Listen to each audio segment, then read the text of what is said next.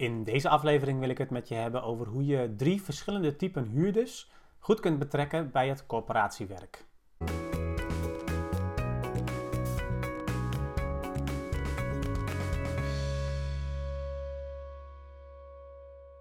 Een aantal jaren geleden heeft eh, Vincent Gruis, eh, hoogleraar aan de TU Delft, een eh, driedeling geïntroduceerd. En ja, ik zie die eigenlijk veel te weinig terug in het debat over hoe je als coöperatie met huurders omgaat. Uh, dus ik wil hem graag ook in deze uh, video nog een keer introduceren. En uh, wat Vincent Gruis onderscheidde in drie huurderstypen was eigenlijk de afnemers. Dus dat zijn echt de mensen die het echt als een product zien, die eigenlijk ook als klant zich gedragen. de afhankelijken, die dus echt hulp nodig hebben en eigenlijk ook zonder hulp van coöperatie, maar ook andere instanties, eigenlijk niet goed hun leven op orde hebben.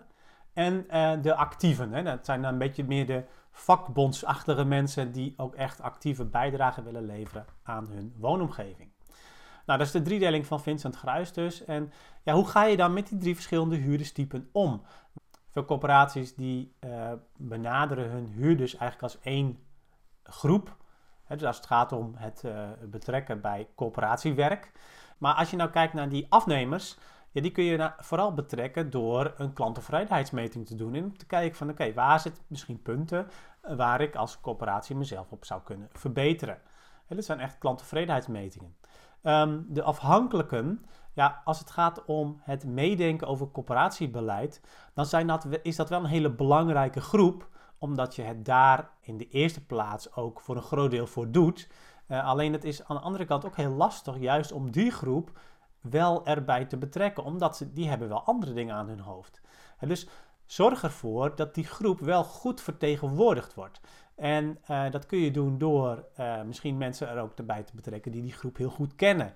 En dat kunnen andere huurders zijn, maar dat kunnen misschien ook wel mensen van welzijnswerk zijn of uh, mensen van andere maatschappelijke organisaties of je eigen huismeesters die in de wijk rondlopen. dus denk daar ook op een creatieve manier over na. Van hoe kan ik nou het, het, het standpunt hè, en, en, en het gezichtspunt van die groep ook betrekken bij het genereren van input voor mijn corporatiebeleid. Nou, en dan de actieven, hè, dat, dat is eigenlijk de makkelijkste groep, want die, ja, die willen ook heel graag invloed hebben op hun uh, woonomgeving. En, dan is het vooral ook in gesprek gaan met welke rol zien ze voor zichzelf. Hè? Um, en dat kan gaan van um, dat ze uh, in, in een portiek graag uh, een beetje op hun buren willen letten en uh, samen met hen ook gewoon ervoor willen zorgen dat het allemaal goed loopt in die portiek. dat kan ook op een andere manier vrijwilligerswerk zijn. Hè? Dus dat kan ook zijn dat huurders misschien in de wijk vrijwilligerswerk doen en daarmee ook een bijdrage leveren, bijvoorbeeld aan het leefbaarheidsbeleid van de coöperatie, maar misschien niet direct dan met de coöperatie zelf in gesprek zijn.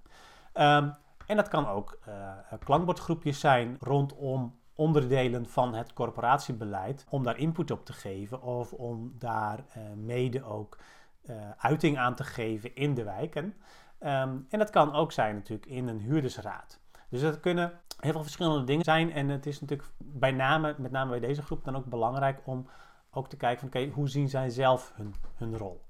Uh, en vervolgens is het natuurlijk ook het faciliteren van die rol. Hè? Want ja, als, zij, als er mensen zijn die uh, liever um, in de portiek opletten dat het allemaal netjes uh, gaat en dat mensen elkaar leren kennen in die portiek, et cetera, en dat de sociale samenhang daar op een goede manier wordt bevorderd. Of ze willen juist vrijwilligerswerk in de wijk doen, of ze willen juist meedenken over een onderdeel van het beleid, of ze willen juist dan toch in die huurdersraad. Ja, zorg er ook voor dat je dat dan faciliteert en dat je niet mensen probeert te drukken in een rol waar ze eigenlijk geen behoefte aan hebben. Nou, hoe zet je hier nou praktische stappen in? Als eerste natuurlijk van belang van oké, ga kijken van uh, welke huurders vallen in welke groep. En hoeveel verschillende huurders heb je in uh, verschillende groepen.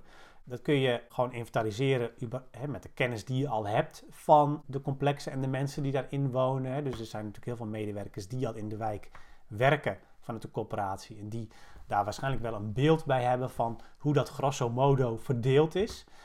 En bepaal vervolgens ook je strategie met betrekking tot die drie doelgroepen. Nou, ik heb je daar net een aantal suggesties voor gegeven. Maar ga echt kijken van oké, welke groep ga ik als eerste misschien mee aan de slag? Uh, en hoe zorg ik ervoor dat al die drie groepen ook op een goede manier tot hun recht komen en eh, input kunnen leveren op het corporatiebeleid wat ik maak als corporatie. Bedankt voor het luisteren naar deze podcast. Wil je nieuwe afleveringen ontvangen? Abonneer je dan op deze podcast. En kijk ook eens op onze website corporatiestratege.nl voor meer praktische tips en downloads die jouw werk als corporatiestratege makkelijker maken.